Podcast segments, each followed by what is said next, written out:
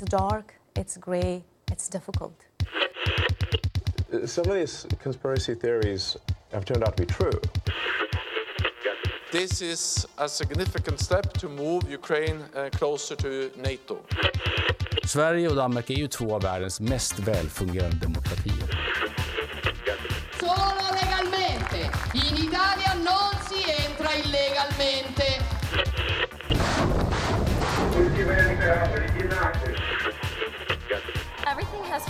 Place. I feel really good about where I am right now.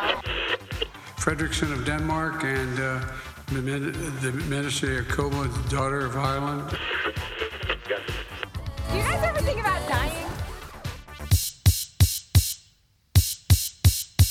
Vatn og flugslis verða á dagskrá heimskveða í dag. Ég heiti Bjarni Pétur Jónsson. Og ég heiti Birta Björnsdóttir.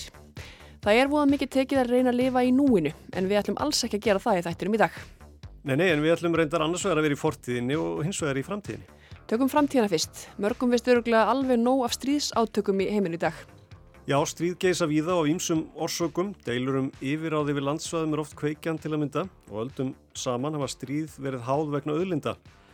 Og hver er einn dýrmætasta öðlind veraldar? Já, það er blá vatnið. Það þrifist ekki líf á plánutinu jörð án þess.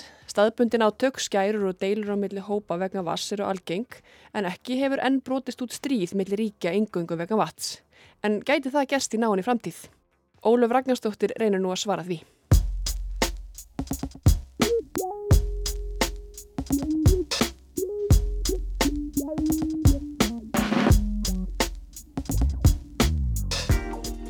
Það má segja að hugmyndin að þessari umfjöllun hafi kviknað fyrir tíu árum. Þá var ég í námi í mið austurlandafræðum og eitt viðfangsefna var möguleikin á að stríð erðu háða vegna vass eða öllu heldur skortsáði. Mörg ríki í mið austurlundum hafa takmarkaðan aðganga vatni og í eirum Íslendings hlómaði þetta nokkuð okkveikjandi. Gæti verið hætta á að stórt og voldugt ríki myndi seilast til áhrifa á Íslandi til að ná yfirraðum yfir vatnin okkar.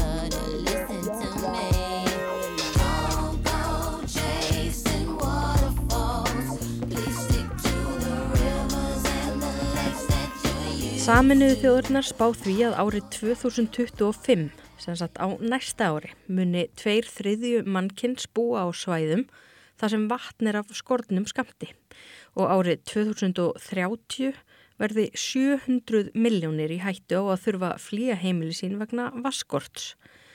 Við gætum ekki lifað án vass og ef þið vantar vatn, þá flytur þið þangað sem þú færða vatn eða jáfnvel slæst við aðra um það. Og spurningum um mögulegt stríð vegna vass hefur ekki aðeins verið veld upp í mínu ágæta námi heldur oft og víða. You know, for years and generations, wars have been fought over oil. In a short matter of time, they will be fought over water. Þarna heyrðum við varafósita bandaríkjana Kamilu Harris segja að árum saman hafi stríð verið háð vegna ólju og síðan fullir það að ekki sé langt í að háðverði stríð vegna vass. Jörðun er að hitna og þotna og fleiri en Harris óttast að átök verði meiri í framtíðinni. I've been with Seaweed sort of like a, quite a long time now and I've, I focus on, on water issues in Africa. So Africa is my, my main area of focus. I'm happy to reflect also on some of the global aspects. Anton Earl starfar fyrir Stockholm International Water Institute, oft kallað SIVI. Það er stopnun sem gefur sér út fyrir að vera leiðandi í stjórn vassmála á heimsvísu. Við berjumst fyrir réttlátum og sjálfbarum lausnum, segir á heimasíðu Sífi. Örl býr í Suður Afriku og sérhæfi sig í vassmálum í Afriku. When you actually look at the roughly 260 uh, shared water courses globally, there's actually surprisingly little conflict and there's actually much more cooperation between countries over those shared waters. Raunin er, segir Örl, að það er meiri samvinna og merkilega lítið um átök. Af öllum skráðum milliríkja samskiptum um vatn séu tveir þriðju samvinna og eitt þriðji átök eða deilur. So it's not to say there's, there's not a threat in the future of more conflicts in the future. Of course, it can happen, and especially with growing populations, um, urbanization, growing economies, all these things, um, not to mention climate change, of course, and changes in rainfall. Hann dregur samt ekki í efa að ógnin um meiri átök sé til staðar. Sér í lægi með tilliti til þess að jarðarbúum fyrir fjölgandi, fólk sækir í auknum mæli í þjettbíli og vegna áhrifa loftslagsbreytinga. Could you tell me which countries are most vulnerable in regards to water or areas? Um, you mean especially in, in, in terms of climate change and changes that are going to be happening? Well, I mean, speaking about from the African perspective, I mean, I think as a as a continent, Africa is particularly vulnerable. You see, a lot of the studies and the models that have been done now show that that, that African countries and regions within Africa are likely to be um, highly impacted by changes in climate. Spurður hvaða ríki eða heimslutar sé í mestri hættu, segir Örlað Afrika sé sérstaklega berskulduð vegna áhrifa loftslagsbreytinga.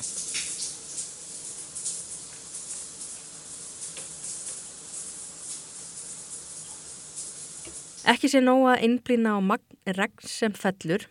Til dæmis geti magnið verið svipað á áskrundvelli en líta þurfi til þess hvenar og hvernig regn falli. In the past it would have been a very clear rainy season that might have been typically maybe four or five months where the rains come and you know when they start and that for the next four or five months it rains. Now we're seeing changes to that and the rains typically are starting later And when it does rain, it rains in these really heavy downpours and a lot of water arrives in one go. Áður fyrir hafi rigningartímabili verið afmarkað, varaði fjóra til fimm mánuði og oftast verið fyrirsjánlegt.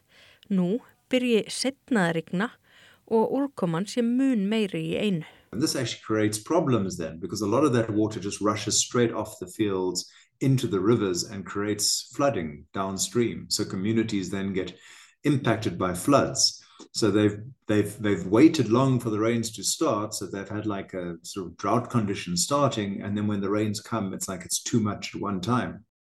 Meiri úrkoma og stittra regntímabil skapi margvíslega vandamál. Samfélög glými við þurka í upphafi, svo regni það mikið að vatn flæði frá ökrum í árfarvegi og það valdi flóðum.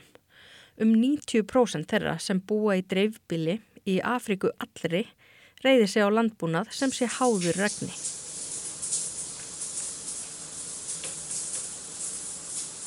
And many of the communities that we work with in southern and eastern Africa, they will talk about, well, that they no longer can farm in the way that, that their parents or their grandparents used to farm. Uh, they'll say that the, the rainy season is much shorter, it's much more intense. Uh, in the past, they would even talk about managing to grow two crops, two sets of crops in the rainy season. It was long enough for them to do that. Now they're lucky when they can just produce one crop. Earl segir samfélög sem þau starfa með í söður og austurluta Afríku hafa sömu sögu að segja. Þau uppskeri ekki jafn mikið og foreldrar þeirra eða ömmur og afar. Forþöður þeirra hafi stundum náð tveimur uppskerum og einu rigningatímabili. Nú séu þau heppin náðu einni. Þetta veldur því að fólk flytur í auknum mæli í borgir og annað þjættbili eða jafnvel til annara ríkja. One of the most um, hard hit areas um, will be the Horn of Africa. So that area around Somalia, um, Ethiopia, parts of Kenya, that's where we're really seeing like a almost like a ground zero, if you want, for climate change. You know, it's just like that area is just being really, really hit. It's already a dry area, and it's actually likely to become drier in the future, and droughts are set to become even longer. Einna vest er ástandið á hortni Suður Afriku, Sómalíu, Eþjóbíu og Kenya. Það sé eins konar miðja loftslagsbreytinga, segir Örl. Landið þar er þurft fyrir og verður einungis þurrara með tímanum.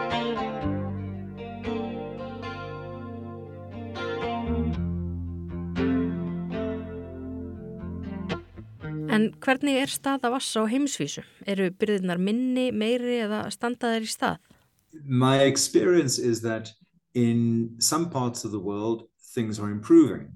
So if you if you look at Europe, for instance, in the 1950s and the 1960s, many of the big rivers in Europe, uh, the Rhine or the Mersey or the Thames River in the UK, were heavily polluted you know, to the extent that, that fish were dying and you you would never think of swimming in the water, it too dirty, you know, that almost like a, like a sewer uh, running down. Earl segir það misjamt eftir svæðum. Hann rifjar upp að í kringum 1960 voru flestar af stórum ám Evrópu svo skítuar og mengaðar að fiskar drápust og fólki dætt ekki í huga reyna synda í þeim.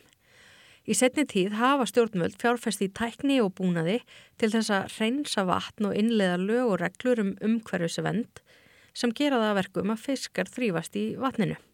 Borgaríföldi París hafa til dæmis sett sér markmiðum að reynsa signu svo vel að fólk geti fengið sér sundsprett.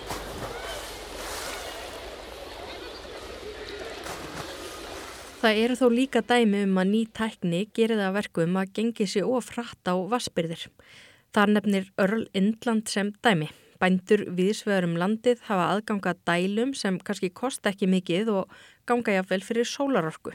Which is good for the individual because they can irrigate a bigger area and produce more crop, but bad collectively um, because groundwater tables now are dropping. Þetta er gott fyrir einstaklingin, bonda sem getur vögvað stærra land og uppskerð því meira, en verra fyrir heldina því grunn vassborðið lækkar. In much of, of the African countries where, where I work, um, I'm seeing huge problems around pollution. So it's not so much the quantity of water always, although in some parts it is of course. Og vasthengt vandamál í Afríku eru ekki aðeins skortur á vatni heldur líka mengað vatn, segir Örl. Hraðri þjættbílismyndun fylgi ómeðhöndla skolp og frárensli frá yðnaði. En þá er komið að stóru spurningunni. Telur hann að háð verði stríð vegna vass í framtíðinni? No, I don't think there'll be wars over water between countries because typically two countries don't tend to go to war with each other over any one individual topic. It's usually a range of, of issues. Hann telur ekki líklegt að tvö ríki eftir að fara í stríð einungis vegna vass. Fleira þurfa að koma til þar sem ríki fari yfirleitt ekki í stríð yfir einu afmörkuðu málefni. But having said that, that that's a more positive message. The, the negative one that I do have is to say that I do see more conflicts taking place over water. But those conflicts aren't between countries. Those conflicts are typically between different groups of people. En öllu neikvæðara er að átök vegna vass virðast vera að aukast. Þó ekki milliríkja átök heldur frekar átök á milli hópa. Tökum dæmi. Ættbólkur hyrðingja sem lifa á nautgreiparækt flytur sig á milli staða þar sem vatn er að finna. Þá geta hyrðingjarnir lendi í útistöðum við aðra ættbólka sem hafa sitt lifibröð af að rækta land. And we've seen those sort of conflicts taking place in, in Kenya, in Ethiopia, where the partly driven by the, the change in weather patterns, the nomadic tribes are now spending more time in specific locations where they know they'll find water and they're not moving on. Og þetta er þegar að gerast í Afriku, til dæmis í Kenya og Eþjópíu. Hyrðingja eittbólkar fara ekki á milli staða í að pratt heldur ílengjast á svæðum þar sem vatn er að finna og þá hefur komið til átaka og það blóðura. Örl telur líklegt að átökum á þessu tægi eigi eftir að fjölga.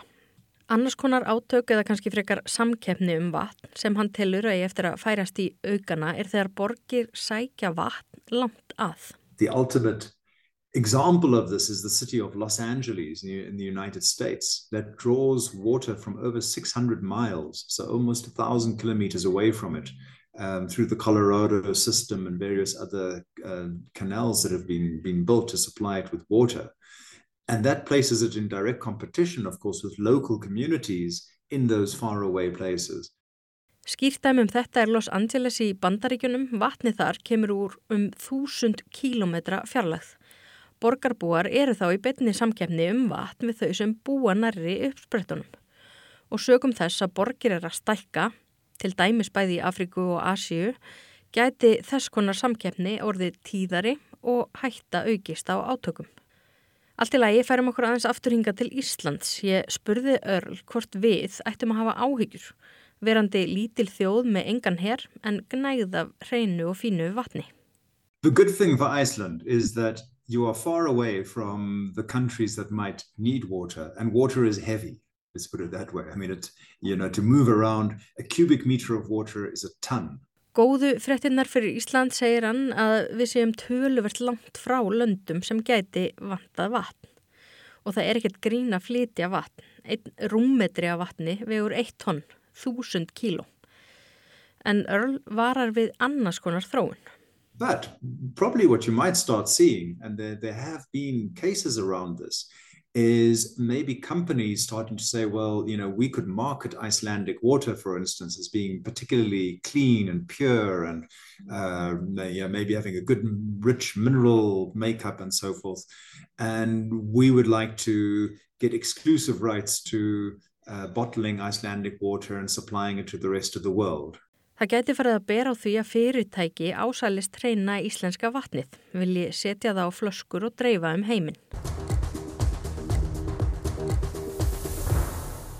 Eigandi fyrirtækisins Icelandic Water Holdings, Jón Ólafsson, staðfesti á dögunum í samtala við morgunblæðið að hann hefði selgt erlendum fjárfæstum stóran hlut í fyrirtækinu. Þessi viðskipti auðvitað draga fram þá umræðu hversu mikilvægt það er að við skýrum laga umhverfi náttúruöðlind á Íslandi. Samstaða hefur ekki náðst á alþingi um að setja öðlinda ákvæði í stjórnaskrá.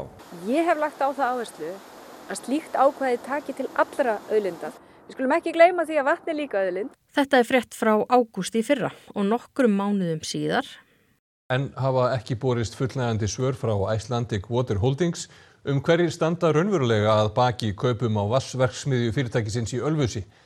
Fyrirtæki var selt fyrir skömmu en fósfarsmenn voru krafður um upplýsingar um hverjir stæður raunverulega að baki kaupunum. Þau svör voru ekki fullnægandi og þess vegna höfum við sendt frekari fyrirspurn á þá lögumenn sem eru að vinna fyrir fyrirtækið. Eftir því sem næst veru komist er enn ólust hver kifti versmiðuna. Örl rifir upp mál frá Nóri þar sem bandarist fyrirtæki vildi kaupa aðgang þar að vasslind og selja. If I remember right, in that case, they, they ruled in Norway's favor and said, you know, you can always limit the amount being taken out because if there's a drought or climate change or something like that, you, you, you keep that right as a country. Það mál segir hann að hafa enda Nóri í vil, þar sem ríki eigi rétt á að takmarka magn vatn sem seltir úr landi sem varúðar ráðstöfun, ef til dæmis kemur miklir þurkar. Annað sem hann tilur verðt að nefna í vassmálum Afríku er svo þróun að Erlend ríki hafa keift land eða gert langtíma leigusamning á landi sem er ríkt af vatni. Þá undir því yfirskinni að ætla að rekta þar mat en í raun og veru ásalistu við vatnið. And that we are sort of seeing happening slowly but surely, like flying under the radar kind of thing, and private companies really doing that bit by bit. So you could get to a situation where all the good land and the well-watered land in a country in Africa is, um, you know, either owned by foreign companies or they have long-term leases on that land, depriving local people then of access to the well-watered land. Hann segir þetta þróun sem þau hafi tekið eftir. Hægt og rólega séu ríki að kaupa vassmestu svæðin í Afriku og þannig svifta heimafólk aðgengi að vel vögvuðu landi.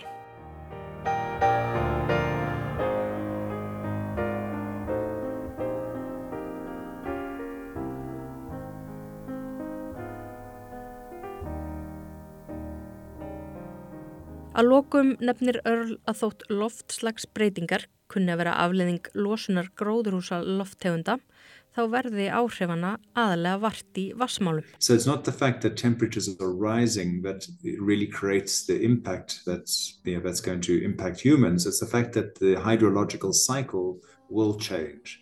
Hydrological cycle will start moving faster. You'll see these bigger downpours rushing off across the, the countryside. Það sem orsaki atbyrði sem hafi raunverulega áhrif á fólk sé svo staðreind að ringrás vass breytist. Í sinni einföldustu mynd er ringrás vass svo að það gufar upp frá sjó eða landi við hita, berst inn yfir land eða sjó þar sem það þjættist, fellur til jarðar sem rigning eða snjókoma og þaðan streymir það aftur til sjáar. Þessar upplýsingar eru fengnar af vef umhverjastofnunar. Earl segir að þessi ringrás breytist hannig að hún gerist hraðar og því sjáum við til dæmis úrhellis rigningu og flóð. How is society and the economies that we have going to adapt to the new reality that water is going to be moving through uh, the through their countries, through their economies in a different way due to climate change. Að hans mati ætti ein af stóru spurningunum um loftslagsbreytingar að vera hvernig ætla ríki heims að takast á við þennan nýja veruleika sem fælst í breytingu á ringrás vass.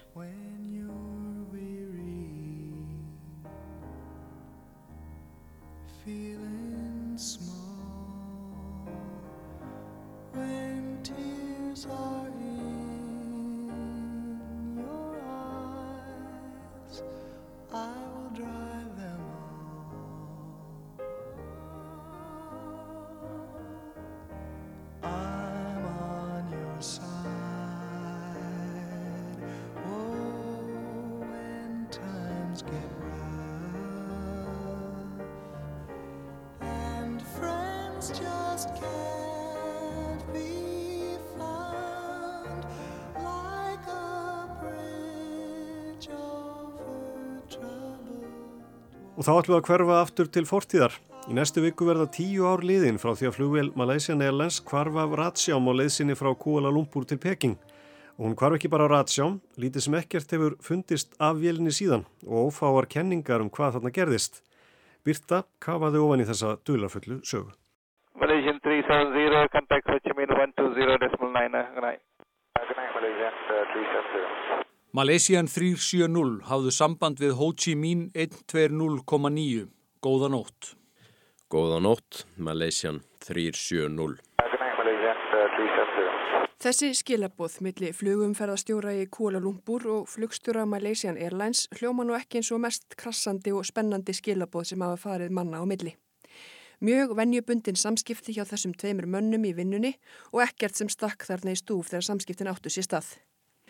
Vegna þess sem gerðist svo tæpum tveimur mínútum eftir að þessum samskiptum lauk eru þau þó sveipuð enn meiri dölu en ella væri.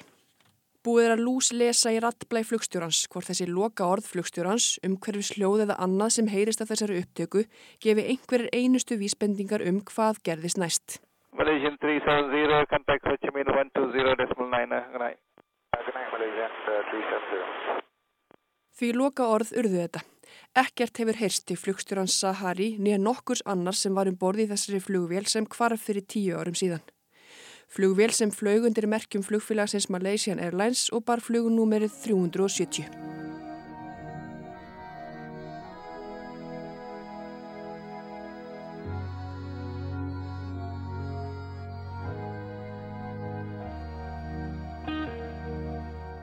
Núna 8. mars verða tíu ár liðin frá kvarfi vélarinnar. Mikill fjöldi frétta, heimilda þátta, hlaðvarpa og fleiri samantækta um það sem þarna mögulega gerðist hafa litið dagsins ljós síðan og þá eru ótaldar allar samsæðiskenninganar. Af þeim er vist alveg meira en nóg en það kannski kjör lendur fyrir frjálslegar vangaveltur þegar svo lítið er í raunvitað með fullri vissu um hvað varðum flugvélina. Á þriðja hundrað er saknað eftir að samband rofnaði fyrir rúmum sólarhing við farþegaþóttur sem voru að leið frá Kuala Lumpur í Malasju til Peking. Þóttan var yfir söður Kína hafi þegar hún kvarf af Ratsjám. Fjöldi skipa og flugvela fór til leitar. Fyrstu fréttir af því að flugvélin hefði horfið af Ratsjám byrtust að morgni dags skömmu eftir að flugvélin átt að vera lendi í Peking. Þetta var næturflug. Vélinn tók á loft frá alþjóðaflugvellinum í Kuala Lumpur 42 mínútum eftir miðnetti og framundan átti að vera um 5,5 tíma flug yfir til Peking. Ein af tveimur daglegum flugferðum á vegum Malaysian yfir til Peking frá Malasíu. Malaysian 370 standby and Malaysian 6 is cleared to Frankfurt via Agosa Alpha departure 6000 feet squawk 2106. Um borðu voru 227 farþegar, auk 10 manna áhafnar og tveggja flugmanna. 239 manns voru sem síðan borði í vélni sem lagði inn í nóttina þennan örlægaríka dag.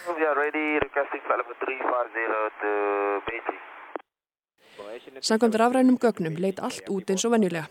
Kveðjan sem við heyrðum hér í uppæðu þessa pistils millir flugstjórnans Sahari og flugstjórna Klefans í Kuala Lumpur átti sér stað klukkan 19 mínútur yfir eitt réttum 40 mínútum eftir að vélinn fór á loft. Og eins og áður var getið voru þessi samskipti mjög hefbundin. Flugstjórun að móttaka skilabóður flugumferðarstjórn Kólalungbúr um að vélinn sé á leið úr malasíski lofthelgi og yfir á yfirraðarsvæði Vietnami í hálóftunum. Réttæpum tveimur mínútum eftir áður nefnd samskipti kvarf Malaysian Airlines flug 370 af Ratsjám. Fyrst í Kólalungbúr og mjög skömmu síðar af Ratsjá í flugstjórnaturninum í Ho Chi Minh í Vietnam. Vietnamskir flugumferðarstjórar höfðu sambandi kollega sína í Malasíu um tíu mínútum síðar til að spyrjast fyrir hvort þau hefðu eitthvað heyrt meira frá vélinni. hvort við vissum ástæðir þess að hvorki náðist í vélina nefn var hún sjáanlega á tækjum sem vakta alla flugumferð. Og þannig var það inn í nóttina. Engin skilabóð bárust og ekkert samband náðist við vélina þrátt fyrir ítrekkaða tilrunir af jörðunniðri. Veðurskiliði áttu að vera með besta móti, hvorki rigning nýja eldingar og varla skín nóðri á himni á svæðinu. Ekkert bendi til að bílun eða slís hefðu orðið, ekkert neyðarkall bast frá flugmönnum á höfniða farþugum vélarinnar. Það var ekkert sem bendi til að flugvelin hefði rapað eða brotlend og ekkert sem bendi heldur til að henni hefði verið rænt. Nefna þá augljósu staðreind að ekkert var vitað um afdri vélarinnar og ekkert samband náðist við hana. Rétt fyrir klukkan hálf átta um morgunin, um klukkustund eftir að flugvelin átti að lenda í Peking, sendi Malaysian Airlines flugfélagi frá sér tilkynningu um að samband við flug 370 hefði ropnað um nóttina og leit veri hafin af vélinni.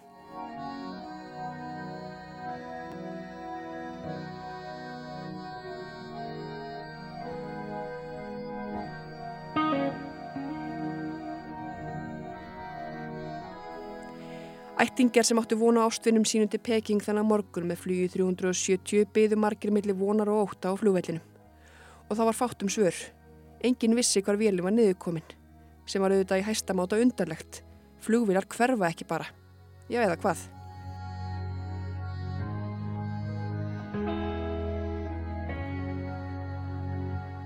Þegar flugvelin kvarf af Ratsjá var hún yfir söður Kínahafi og þar hófst því leitin að vélinni. En þar fannst ekkert. Allar veikar vonir um vísbendingar um brak eða óljubrák í hafinu reyndust ekkert hafa með flugvelin að gera. Leitin í Suður Kína hafi var umfangsmikil. 34 skip og 28 flugvelar tóku þátt í leitinni. Yfirvöldi í Malasíu tilkynnti í dag að þau hefðu stækkað leitarsvæðið á Suður Kínahafi í vorum að finna flag farþegaþótu sem saknaði verið í þrjá sólaringa. Ótrúlegt þykir að korki tangurinn í tetur hafi fundist að Boeing 777 þóttu Malaysia Airlines sem hvar var aðsjám á lögadaginn með 239 innanbors. Tugir skipa og flugvela hafa tekið þátt í leitinni. Á meðan leitstóði yfir var dölafullt hvar flugvelna rannsakað í þaula. Eins og fyrir var getið var ekkert að græða á upplýsingum úr vélinni sjálfri. Ekkert neyðagall og engin merki um bílun ni nokkuð annað aðtöðavert. En blessunarlega býðu tækninu på alls konar möguleika. Gerfinata gögn og gögn úr frum ratsjám komu þar að góðu gagni.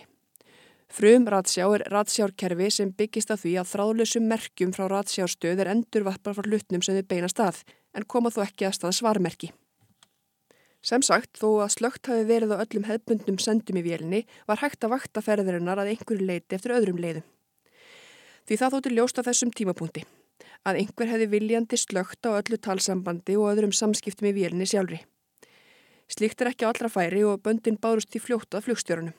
Manninum sem síðast heyrðist í tæpum tveimur mínútum áður en að vélinn kvarf af ratsjám. Malaysian 370, contact Minh 120.9. Good night. Good night, Malaysian 370. Það er grunnsendir styrtust enn frekar þegar fór að koma skýrari mynd á gerfinhattagögnin. Þau síndu nefnilega að eiginlegum leið og vélinn kvarf af ratsjám var henni byggt snarlega af áður ákveðinni leiði átt að Peking. Henni var byggt skarp í suðvestur og því var flóið aftur yfir Malakkaskagan, skagan sem á er Malasía, suðluti Thailands og smáa Myanmar.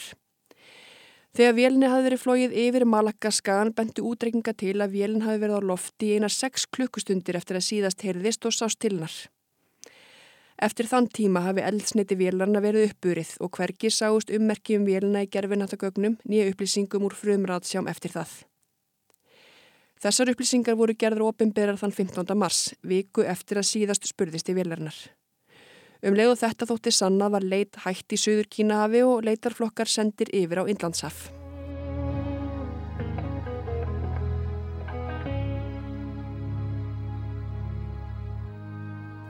Þó útrekningar hafi gefið einhverjar vísbendingar um hvar vélinn var stödd þegar eldsneitið kláraðist var leitarstarf ekki auðvelt. Indlandshaf er þriðja stærsta hafsvæði jarðar og nær yfir meira en 70,5 miljónir ferkilometra. Það er um 20% af vass yfirborðið jarðar. Og þó ekki allt Indlandshafi verið undir í leitinni heldur söður hlutin er það samt feikistort svæði. Þó flugvilar séu engin smásmíði geta þær mynd á náli heistakki þegar í hafið er komið. Það tók til að mynda tvö ár að finna svarta kassaflugvelar Air France 447 sem fóst í Atlantshafi á leið frá Rio de Janeiro til Parísar árið 2009 þó leitaflokkar vissu nákvæmlega hvar flugvelin hefði farist. Og til að gera langar sögu stutta þá fannst hvorki tangunni tetur af MH370 flugvél Malaysian Airlines nýja nokkur sem þar var um borð. Tæpum þremur vikum eftir að síðast spurðist til Malaysian Airlines vélarinnar helt Najib Razak fórsættisráður að Malasíu bladamannafund. Based on their new analysis, Inmarsat and the AAIB have concluded that MH370 flew along the southern corridor Það sagði hann að öll gerfinatagögn bentu til þess að vélinn hefði horfið á sunnanverði Indlandshafi, vestan við Pörð. Það sem þar séu engir heppilegi lendingastaðir verði að gefa sér að vélinn hafi faristar. It's a remote location, far from any possible landing sites. It is therefore with deep sadness and regret that I must inform you that according to this new data, flight MH370 ended in the southern Indian Ocean. Rétt fyrir þannig að bladamannafund var ættingum þeirra sem í vélinni voru tilkynntum sömu niðurstöðu. Að allir sem í vélinni voru væru taldir af. Engar líkur væru á því að þau varu enn á lífi.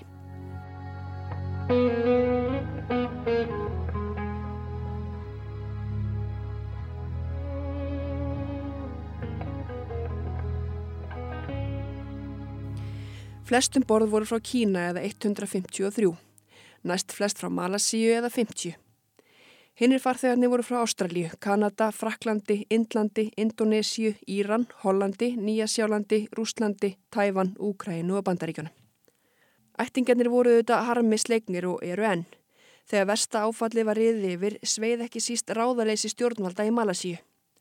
Þau eruðu margóft uppvísa því að gefa villandi eða beinleins rángar upplýsingar um stöður ansóknarinnar og gangi leitinni sjálfri. Hjeldu þjætt að sér spilunum eins og það kæmi ættingum ekki endilega við hvernig leitinni miðaði eða hvar veri leitað yfir höfuð. Þá þótti samvinnu stjórnvalda í Malasíu og upplýsingagjöfið aðra rannsagendur og leitarflokka sömu leiðis mjög ábútafant.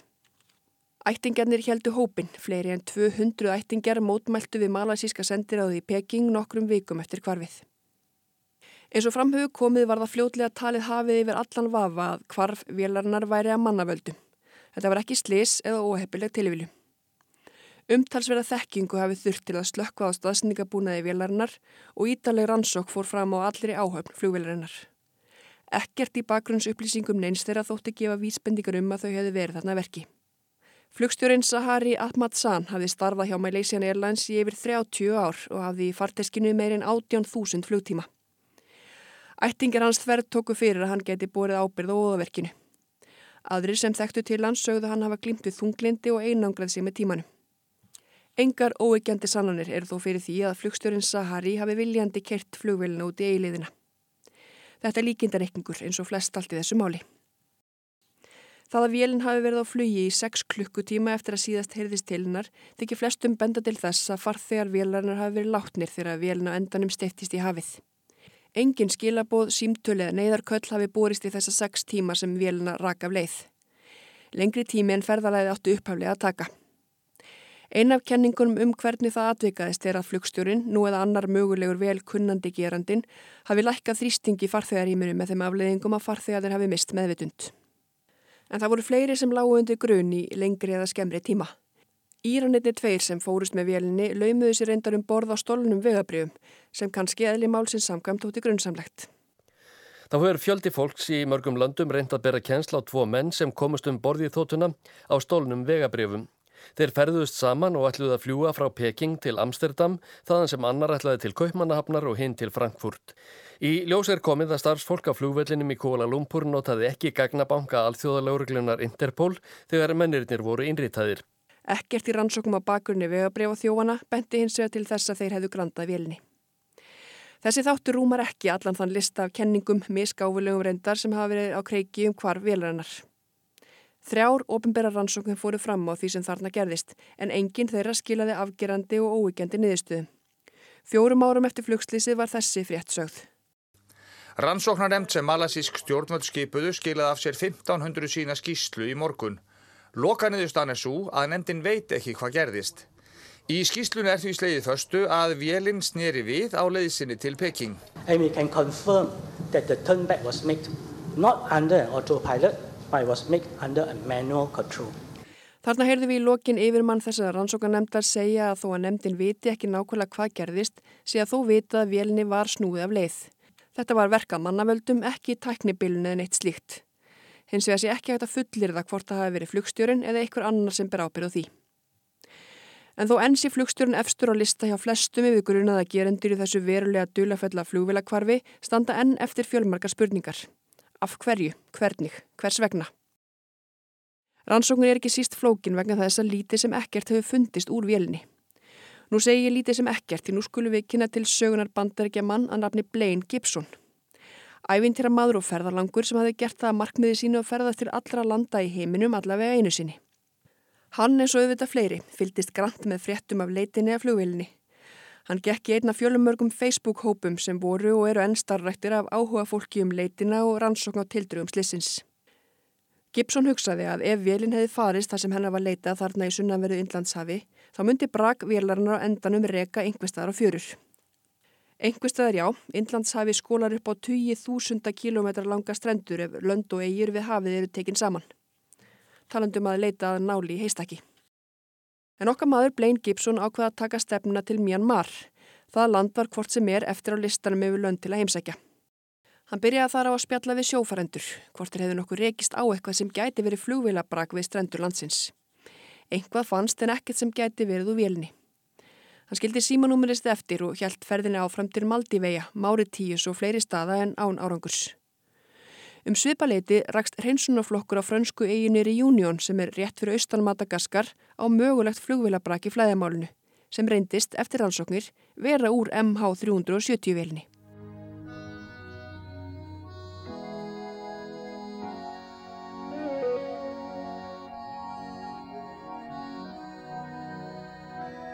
Þetta voru fyrstu haldbæru sönunagögnin um að vélinn hefði í raun farist á hafi úti eins og reyndar allt benti til. Blaine Gibson leita á þetta sem umtalsverða kvartningu til að halda áfram leitsinni og ákvað næst að taka landi í Mósambík. Eins og áður, bæði vegna þess að það var á lista yfir lönd sem hann átti eftir að heimsækja. Hann hafði sama háttin á áður, spjallaði við sjómenn, þetta var í februari 2016, tveimur árum eftir að vélinn kvarf. Og viti menn, Með aðstóð heimamanns fann Blaine Gibson brak í fjörunni yfir landsjös í Mósambík sem, eftir rannsóknir, reyndist vera yfirgnefndi líkur á að væri úr vélni sjálfri.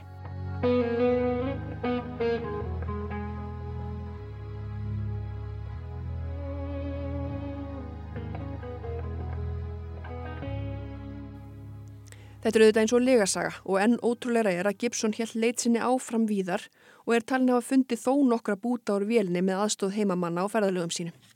Jeff Weiss er bandarísku rítöfundur og einn þeirra sem hefur af sjálfstáðum sögt sér í rannsóknir og kenningar á kvarfi vélærinar. Hann er einn þeirra sem setur spurningamerki við fundvísi Gibsons. Hann segir brakið ekki bera þess merki að hafa verið svo lengi í sjónum og Gibson sé leppur rúslandstjórnar sem beri ábyrða kvarfinu. Weissen er bleið einn af þeim fyrstu sem viðræði þá kenningu að hvarf vélarinnar væri að byðinni Vladimir Putins rúslandsfósetta. Vélni hefði verið flóið yfir til Kazakstan þegar hún hvarf af ratsjó.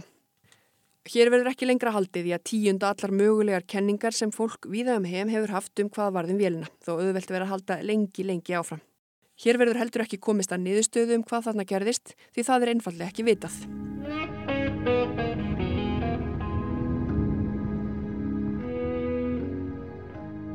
Þann 17. janúar árið 2017, tæpum þremur árum eftir að vélinn kvarf, var formleiri leit hætt.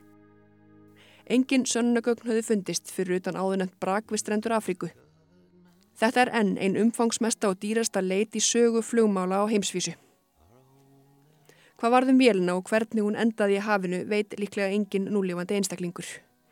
Eftir sitja ættingar þeirra 239 sem fórist með vélini. Fyrir þau er óvissan verst að fá kannski aldrei neins svör. Svarið likur líklega djúft í söðuluta Inlandsafs.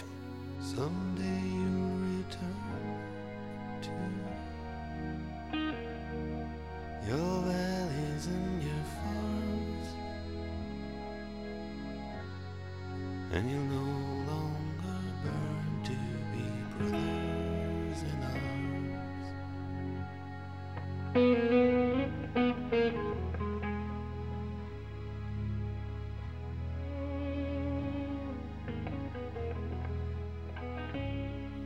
Og þá eru ekki fleira í heimskuðum í dag. Við verðum hér aftur á sama tíma í næstu viku. Takk fyrir að hlusta. Through these fields of destruction Baptisms of fire I've witnessed your son